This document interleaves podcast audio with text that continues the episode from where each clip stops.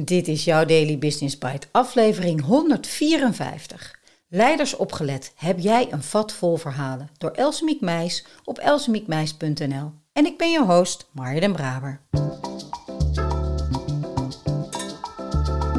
Je luistert naar Daily Business Bites met Marja den Braber, waarin ze voor jou de beste artikelen over persoonlijke ontwikkeling en ondernemen selecteert en voorleest. Elke dag in minder dan 10 minuten.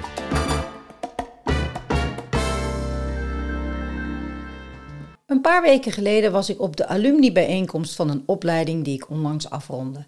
Ik ontmoette Mathieu. Hij stelde me direct de onvermijdelijke vraag: En wat doe jij nu voor werk? Ik antwoordde: Ik help leiders betere verhalen te vertellen. Verder hoefde ik niets meer te zeggen, want hij begon onmiddellijk te praten over zijn eigen werk als ondernemer. Dat hij het lastig vond om aan zijn klanten uit te leggen hoe zijn werk het verschil voor hen kan maken. Hij biechtte op dat zelfs zijn eigen familie eigenlijk niet wist wat hij nu precies deed.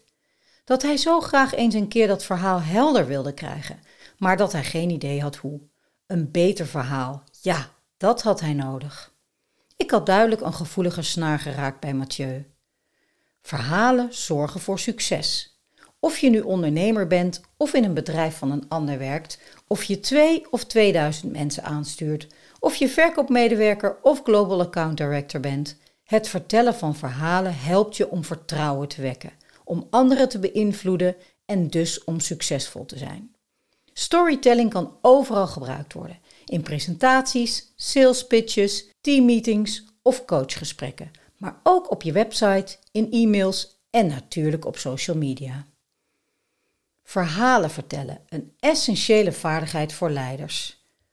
Storytelling wordt steeds meer genoemd als essentiële leiderschapsvaardigheid van deze eeuw.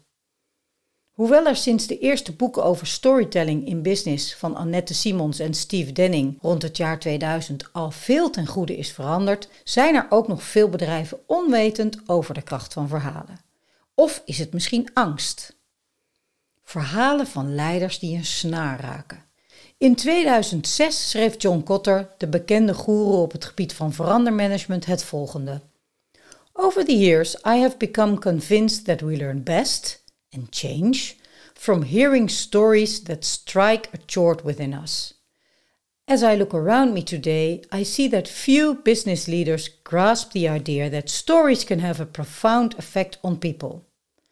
Those in leadership positions who fail to grasp or use the power of stories risk failure for their companies and for themselves. Deze uitspraak geldt nog steeds. Storytelling is geen marketingspeeltje, geen communicatiehype. Storytelling is bittere noodzaak voor leiders om mensen met je te kunnen verbinden. Zonder die verbinding zullen veel bedrijven en leiders het op de lange termijn niet redden. Als ik met niets vermoedende mensen in gesprek ga over de kracht van verhalen in bedrijven, gaan mijn ogen stralen, want ik geloof in die kracht. Veel mensen willen er daarna mee aan de slag. Toch blijkt het soms lastig om het in de praktijk ook te gaan doen. Een veelgehoorde vraag is bijvoorbeeld: kun je ook gaan storytellen zonder dat er een corporate story of een organisatieverhaal is? Ja, dat kan. Je kunt en alsjeblieft doe dat. Alledaagse verhalen uit je persoonlijke leven werk en privé inzetten om je ideeën kracht bij te zetten en om duidelijk te maken wat je bedoelt. Werkverhalen.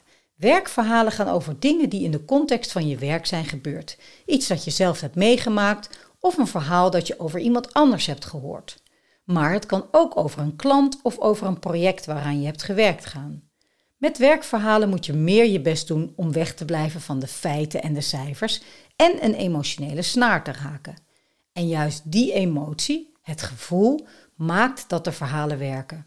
De allermakkelijkste manier van goede werkverhalen vinden is trouwens door ze op te halen bij een klant of een medewerker.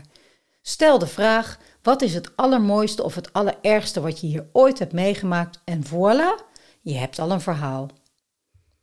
Persoonlijke verhalen. Persoonlijke verhalen kun je ook uit je eigen alledaagse privéleven halen. Vervolgens link je zo'n persoonlijk verhaal naar de werkboodschap die je wilt meegeven. Voor veel mensen wordt het hier tricky, want oh jee, je moet iets over jezelf vertellen. Maar hé, hey, hoe verfrissend vind je het zelf om een persoonlijk en relevant verhaal te horen in een bedrijfsomgeving?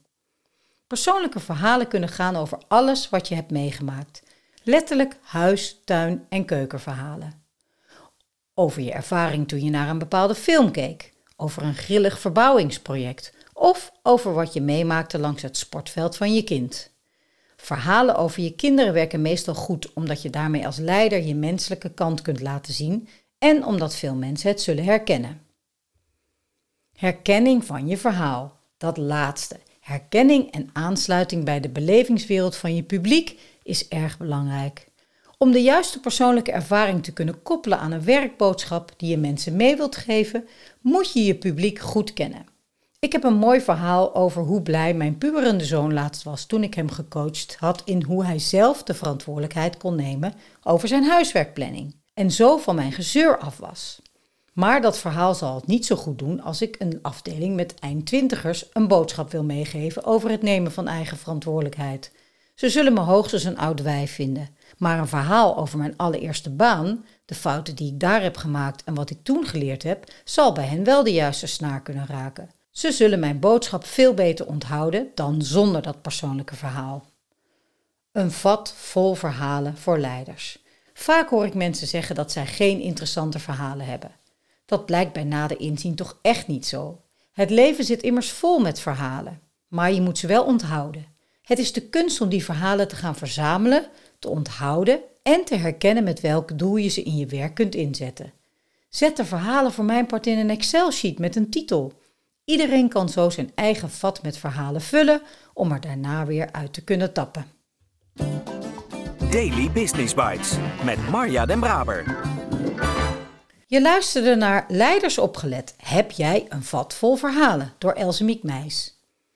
Dit is een blog dat Elsemiek jaren geleden al schreef. In 2014 plaatsten wij dit al op de site van de Project Leadership Academy. Ik kwam het weer tegen en heb Elsemiek direct gevraagd of ik het deze keer mag gebruiken voor een podcast. Ik houd ervan als er wordt geschreven over onderwerpen die negen jaar later nog steeds relevant zijn. Het klopt dus echt dat verhalen vertellen een essentiële vaardigheid is voor leiders en ondernemers. Met verbinding als belangrijkste doel, waarmee je een van de zes succesfactoren voor topteams invult. Gisteren ging het over veiligheid, psychologische veiligheid, vandaag over verbinding. Als je groeit op die twee vlakken, kan het niet anders dan dat je dat terugziet in de resultaten van je team of je onderneming. Neem vooral de tip mee om de verhalen te verzamelen.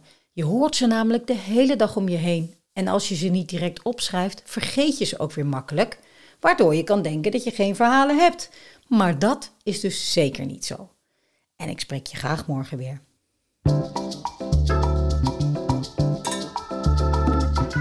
Dit was Daily Business Bites. Wil je vaker voorgelezen worden? Abonneer je dan op de podcast in je favoriete podcast-app. Meer weten? Klik op de links in de show notes.